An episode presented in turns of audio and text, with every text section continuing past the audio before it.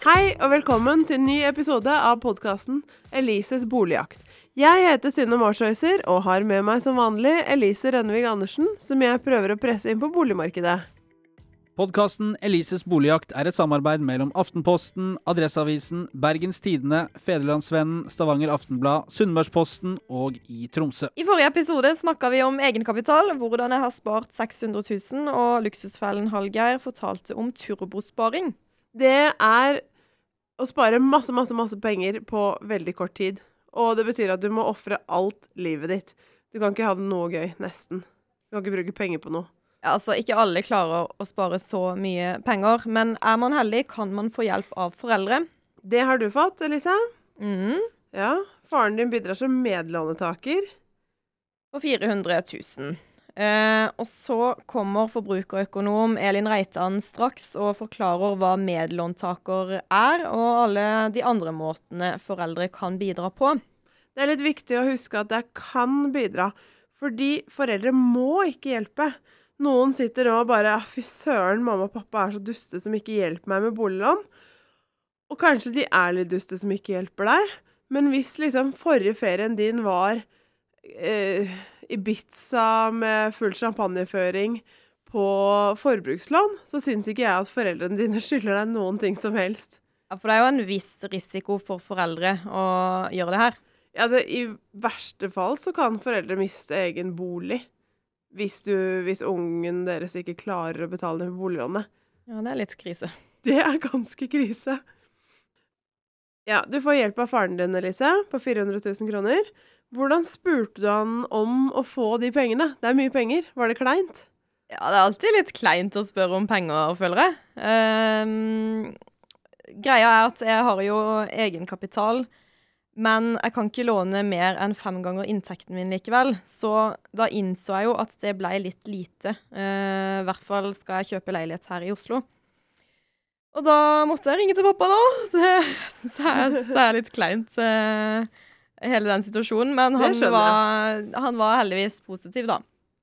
Uh, ja. Men så er jo vi tre søsken, så da sa han at han kunne bidra med 400 000 eh, som medlåntaker. Altså, det funker sånn at jeg tar opp ett lån, et stort lån, og så tar jeg opp enda et lån på 400 000 der han er medansvarlig. Ja, og så betaler du det ned. Mm. Og det rekker du vel mest sannsynlig også før søsknene dine er gamle nok til å skal ut på boligmarkedet. Ja, så det er jo litt greit, både for meg og han. Ja. Og for de, for all, for all del. Ja. Det kan hende de trenger hjelp også. En av grunnene til at du ba faren din om å være medlåntaker, også var jo at du får mye mer bolig for et lån på 400 000 mer. Du gikk fra ettroms til toroms. Ikke at du har funnet den leiligheten ennå, men det er mulig. Det er veldig mulig, og det er litt hyggeligere å ha et eget soverom når du først skal eie egen bolig.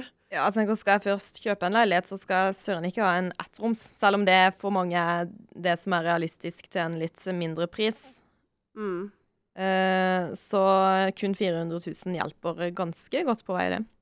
Velkommen hit, Elin Reitan, forbrukerøkonom i Nordea. Tusen takk. Hva syns du om at faren til Elise har sagt ja til å være medlandetaker? Jo, det høres ut som en fornuftig løsning i det tilfellet her, det. De aller fleste unge førstegangskjøpere trenger jo hjelp fra foreldrene sine for å komme seg inn på boligmarkedet.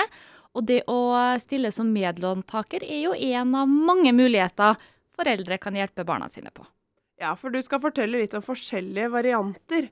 Det er ikke alle som koster foreldrene like mye, f.eks. Og det varierer litt hvor mye ansvar de også får. Absolutt. Det er ganske stor forskjell. Altså, det er mange muligheter å hjelpe på. Det er ganske stor forskjell på de ulike mulighetene også.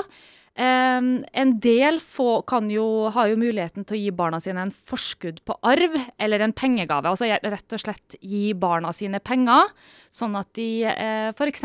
får nok egenkapital til å kjøpe seg en bolig. Fordi veldig mange mangler jo denne egenkapitalen. Eh, det man må tenke på da, er jo at eh, dersom man har eh, flere barn, så vil jo sikkert også de forvente å få den samme type hjelpen eh, når den tid kommer. Så eh, gir du forskudd på arv eller en pengegave, så er det noe du må tenke på. Ja. Men er det ikke litt altså, kleint å spørre om eh, Altså, pappa, kan jeg få forskudd på arv nå? Ja, det, det kan det absolutt være. Eh, samtidig så er det jo en del som eh, tenker at barna har mer bruk for de her pengene nå enn når de går bort. Eh, spesielt nå som vi lever mye lenger enn før. Eh, så er det jo gjerne i begynnelsen av livet, da, eh, når man skal etablere seg, at man har mest behov for denne hjelpen. Eh, og derfor så er det mange som da åpner lommeboka før eh, ja, god tid før man går bort, kan man si. Um, OK, men det er ett alternativ, da. For jeg føler på en måte dette er noe som uh, i hvert fall jeg måtte spørre om sjøl. Jeg vet ikke om det ofte er foreldre som tar initiativet. Du, nå skal jeg gi deg litt uh, Det er kanskje greiere å spørre om å være medlåntaker eller kausjonist, jeg vet ikke. Ja, altså eh, det kan det absolutt være. Og her er jo liksom forskjellig fra familie til familie og situasjon til situasjon.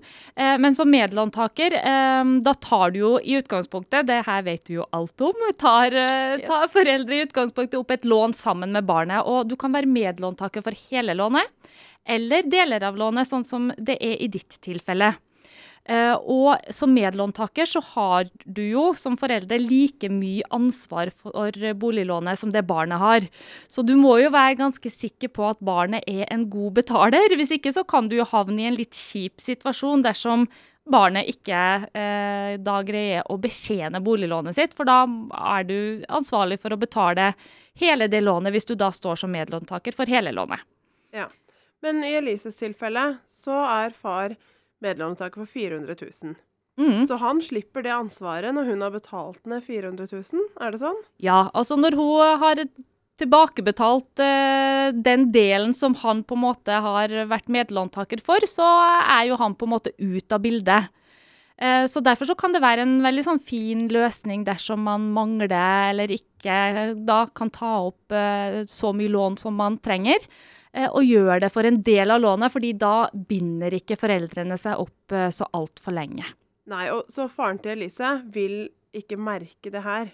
Så lenge hun ikke slutter å betale på lånet, eller Nei. noe sånt. Nei, Mm. han vil ikke merke så lenge det er du som skal betale for eh, alt, så vil ikke han merke eh, noe til det. Og det har du tenkt til, Elise? jeg- Det har jeg tenkt til. det er planen.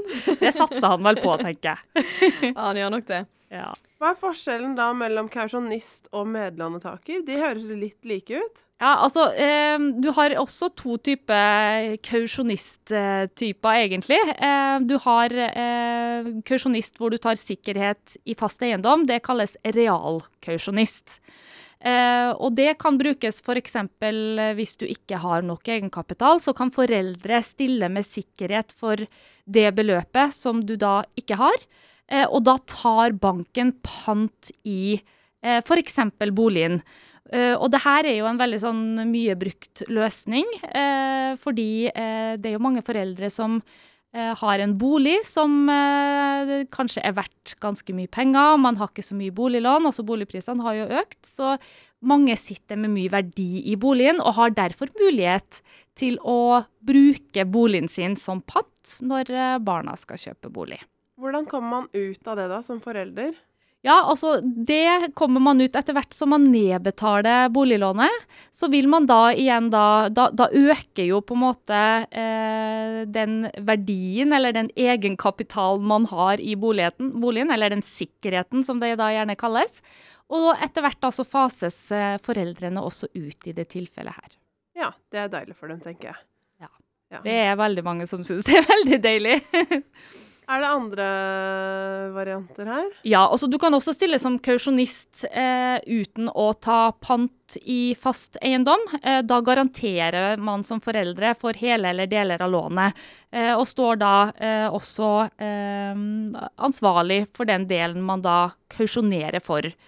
Eh, Den sikreste måten, tenker jeg, er for foreldre å ta opp et privat lån i banken. Eh, så man, og at man da gir de pengene til, til barnet når de skal kjøpe bolig. Eh, fordi da eh, har man på en måte ikke noe ansvar for boliglånet og om det betjenes eller ikke. Man har kun ansvar for det lånet man har tatt opp i banken. Eh, så det er en eh, veldig sikker løsning. Men det, da, er det, da er det foreldrene eller barnet som betaler ned på de pengene igjen? Ja, Det må man bli enige om. Eh, Det bør jo være barna som betaler ned på det. Og det som Ja. er viktig da, er jo at man skriver en avtale seg imellom. Man skriver en avtale med barnet at eh, de skal tilbakebetale det her eh, private lånet som de tar opp, med en fast sum hver måned til en fast rente, eller til en rente. Det er veldig viktig, tenker jeg. Selv om man stoler på barna sine, så er det mye som kan skje. Ja. Så eh, stiller du, tar du opp et privatlån, sørg for å skrive ned en kontrakt. Ja, Det høres fornuftig ut. Det er kanskje veldig individuelt hvilken ordning som passer best for den enkelte. Ja, det er veldig, veldig individuelt hva man har mulighet til å gjøre, og hva som funker for den enkelte. Og så må man jo tenke på da, at eh, hvis man hjelper barna sine inn på boligmarkedet, om det så er å eh, stille som medlåntaker, som realkausjonist, eller om man tar opp et lån, eller om man gir eh, pengegaver fordi man har litt ekstra på konto, så går jo gjerne det ofte på bekostning av eh, andre ting, eller andre drømmer, eller sparing, privat sparing. Ja, så feriehuset i Spania ryker for en liten stund. Ja, Ja. Det, og det er, en del, det er en del foreldre som angrer på den bolighjelpen de gir til Jeg bør kanskje ikke si det her, men til barna sine. Nei, for jeg tenkte kanskje du har noen skrekkhistorier? Ja, jeg, har ikke, jeg har ikke noen sånn spesifikke eksempel, men det vi vet, er at eh, foreldre gjerne gir eh, denne type hjelpen i en fase hvor de kanskje selv burde ha fokusert på egne mål og drømmer. Man har kommet i en situasjon, man har kanskje en romsligere økonomi, man har nedbetalt mye på boliglånet. Det gir mange muligheter, som f.eks. å kjøpe et eh, feriehus i Spania spare til egen pensjon, bygge den hytta man har drømt om, eller bygge den ut. Eh, og dis, ved å hjelpe barna inn på boligmarkedet, så setter man eh, begrensninger for seg selv. Og det er, er det en del som ikke tenker på når de gir den hjelpen. Så det er viktig, eh, selv om du planlegger å hjelpe barnet ditt, at du tenker gjennom hvilke planer, hvilke drømmer har jeg? Eh, Ja. Og vil denne hjelpen gå på bekostning av de? Tenk heller på det før enn å tenke på det etterpå. Ja, for jeg tenker faren din, Elise, han stoler på deg. Ja. Åpenbart. Åpenbart. ja. Ja. Og vet at du kommer til å betale ned det lånet. Du har spart mye penger, og du viser at du er ansvarlig og Ja. Ja, jeg tror han føler det er ganske trygt, og at han kanskje ikke hadde gjort det hvis eh, situasjonen var annerledes. Nei, fordi det er jo ikke Altså, du må jo virkelig vite at du kan stole på barnet ditt. Og hvis, hvis avkommet ikke har klart å få seg egenkapital overhodet, så er det jo nesten litt rart da, at man gir de Altså at man er kausjonist, eller altså noe som er litt risikabelt. Ja, ehm, det, det er absolutt at hvis barnet selv ikke har forberedt seg, så bør man kanskje tenke seg om et par ganger. Men så er det jo sånn, og det vet jeg jo selv, jeg er mamma selv, og vi vil det beste for barna våre. Og vi er villige til å strekke oss veldig, veldig langt. Eh, og da tenker vi kanskje ikke så nøye over at man kanskje har sett noen regninger fra kemneren liggende rundt på hybelen eller på rommet til eh, datter eller sønn.